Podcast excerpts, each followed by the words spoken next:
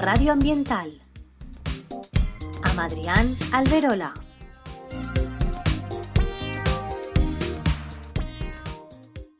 Hola a tots i benvinguts una setmana més a, a Ràdio Natura. Eh, avui, ja que aquesta setmana, eh, la primera de les jornades de medi ambient de l'Ajuntament de Monove, i ahir dues activitats eh, sobre l'agricultura ecològica, anem a xerrar sobre aquest tema. Bé, un poquet així per entrar en, en context i de més, eh, tot este tema s'inicia per, per el tipus de, de problemes no? que han donat molts eh, pesticides, eh, herbicides i demés que eh, han sigut més un problema que una solució en la producció d'hortícoles i, i frutals i demés. Eh, sobretot eh, també en l'ús de, de l'auia, no? eh, s'han canviat molt la dinàmica de, l'agricultura tradicional, s'ha fet molta més, molt més industrialitzat, aleshores no havia una sostenibilitat en aquests eh, camps de cultiu o en la forma de, de cultivar, no? I per tant s'inicia o se recupera eh, aquesta forma tradicional, més ecològica, més eh, sostenible amb el medi ambient i tot, no? tot el que envolta aquest camp de cultiu no? sobre aquesta eh, producció més eh, nutricional, més sana, més, eh, molt més natural, no? sense tants químics eh, relacionats amb, amb la producció. Bé, algunes idees sobre eh, quina diferència hi ha entre agricultura ecològica i, i, este, i la convencional, diguem, no? la, la forma com s'està fent fins ara són, primera, que els productes que s'utilitzen tenen que ser completament eh, naturals i, i ecològics. Tu no pots anar i, i tirar productes químics per a matar eh, insectes o males herbes, no? per exemple. Eh, eh, en contra, no? per a fer això, o bé es arranques a mà, es, es males herbes, o si no eh, influeixen en lo que és la, la planta se poden deixar, també depèn de l'espècie d'aquesta mala herba, perquè hi ha algunes que afavoreixen que els insectes eh, vagin a polinitzar, polinitzar la planta que ens interessa. No? Són com plantes refugi o, o plantes búnquer que diuen, no? que són unes plantes no? que amb la seva flor o en les seues fulles, que són molt grans, serveixen com a refugi d'insectes eh, que es beneficien després a nosaltres amb la polinització. Després hi ha altres que o saques o te poden inclús matar la, la planta de, de lletuga, per exemple. Després, contra els insectes, eh, s'usa sobretot el control biològic de, de plagues, no? Eh, tu en el teu camp pues, pues, col·locar eh, animals, no? diguem, eriçons, per exemple, o ocells, que eh, se mengen, a lo millor, eh, mm, qualsevol insecte que ens puga fer mal. Els cucs, per exemple, d'algunes fulles de lletua o algun bitxet, o amariquites amb, en, bueno, marietes eh, per al purgó, no? que se's mengen totes i de més, pues, eh, tot això és un aspecte de l'agricultura ecològica. Després tenim eh, altres productes que són més o menys químics, però d'extraccions naturals, eh, que estan també aprovats per l'agricultura ecològica i altres molt més caseros, com per exemple eh, una espècie d'infusió d'ais no? per, a, per ahuyentar algun, algun insecte, eh, no? tot això pues, o també per a potenciar un poc la planta i, i, re, i retirar alguns eh, insectes de terra se usa la infusió d'ortiga, no? que, li, que revitalitza el que és l'hortalissa.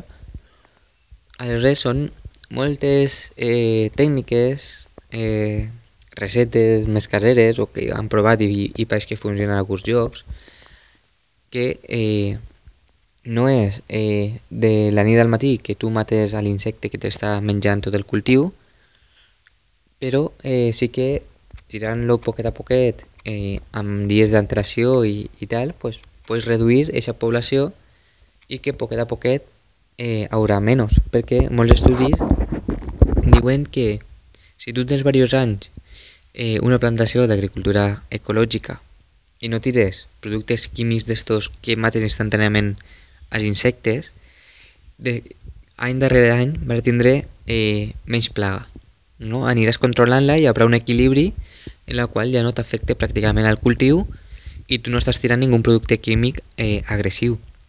Per exemple, eh, ara me ve al cap alguns altres productes per a els cucs que se mengen les fulles, que és, el, eh, és una bactèria, que és Bacillus thuringiensis, que esta el que fa és una, eh, se tira damunt de les fulles no? eh, amb un líquid, no? se mescla amb aigua i, i este producte no? se dissol, eh, esta bactèria, i al tirar-la per damunt de les fulles, el cuc, al mossegar la fulla, està ingerint aquesta bactèria i per tant eh, mor a causa d'aquesta bactèria que, que el mata. Però a nosaltres no ens influeix, només influeix als insectes.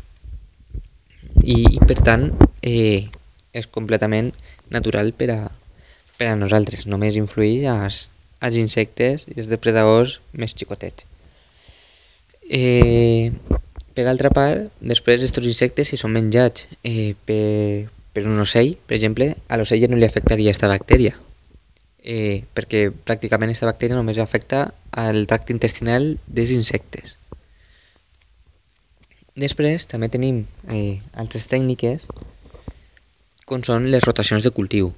No? Eh, tu tens una parcel·la dividida, millor en quatre subparcel·les i en cada parcel·la vas posant un tipus de cultiu a millor hortalisses d'arrel més profunda, d'arrel més superficial, o igual eh, una que necessita molts nutrients o altra que necessita menys. Aleshores vas creant diverses zones en la que s'utilitza un tipus de nutrient més que altre, que s'agafen d'una profunditat diferent a l'altra, i aleshores vas ahir eh, manejant aquests cultius rotant d'una a altra subparcel·la i per tant vas gastant els nutrients i dones temps a recuperar a l'altre eh, sector o ves deixes uno en, en barbecho, com diuen, no? sense, sense producció i, i este se recupera i després poses una producció que necessita molta més eh, alimentació, més nutrients i per tant vas tu organitzant com,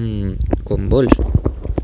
Després el tema de, de setos o arbustos, com he dit, que poden o bé eh, tirar els insectes roïns o bé atraure els bons, no? els que ens polinitzen o eh, parasiten els roïns, no? perquè hi ha avispetes que posen un au damunt del purgó i esta larva creix alimentant-se d'aquest purgó i, i el mata. I per tant pues, és una forma de, de control biològic. Així que eh, són moltes tècniques per a eh, aprofitar que tu no eh, afectes el medi ambient, al teu entorn natural i tampoc a la nostra salut. És tot més saludable i, i sense productes químics que a la llarga ens pot perjudicar tant a nosaltres com a, a la fauna, com a la flora o com a les aulles subterrànies, als aquífers, perquè se poden infiltrar i se pot contaminar si per exemple tirem molts nitrats o, o qualsevol altre producte no, que al final pugui plegar als aquífers i contaminar-los. Per tant, som, és una... No, diguem que és on hauríem d'anar poquet a poquet per a el tema de la sostenibilitat eh, en tots els sentits i no tant a, a producció, perquè està clar que no anem a tindre una producció tan elevada com la convencional, no? perquè claro, tu estàs alimentant amb molts productes ex extras i en un cuidado eh, demasiat, no? no? inclús hasta que danyes a l'entorn. I per tant està clar que va tindre molta producció. Però a la llarga eh, no va tindre tanta rentabilitat. I per tant en l'agricultura ecològica tindràs menys producció però de major eh, qualitat. Clar, no vas a tindre aquestes formetes tan, tan boniques, no? De mi una tomata super reoneta sense una marca i ben roja, no? que eixes de, o totes igualetes o totes tomatetes eh, iguals, no? en l'agricultura la, ecològica ja igual tens eh, alguna, alguna marca en la superfície o no és tot completament encarnat, igual hi ha una part més, més verdosa o més grogosa, no? que no és roïn, sinó que és només eh, visual, no afecta la qualitat del producte de ningú eh, tipus. Al igual que a alguna part també tindrà un, un coquet o algo, però talles aquesta part i te la pots menjar perfectament. Eh, I per tant, pues, la qualitat visual no és igual, no és de llibre, com, com se sol dir, però el que és la qualitat gustativa i nutritiva eh, està clar que sí. No és el mateix tallar una tomata d'agricultura ecològica que una convencional. L'ecològica és més com és d'abans, una olor a tomata, tomata i, i en un sabor no? que té molta més carn, no és tan líquid i per tant pues, eh, també té més nutrients. Així que res, si vos interessa tot aquest tema, el dia 4 i el dia 6 tindrem activitats relacionades amb l'agricultura ecològica aquí en la localitat de, de Monover. Moltes gràcies i ens veiem pronte. Radio Ambiental amb Adrián Alberola.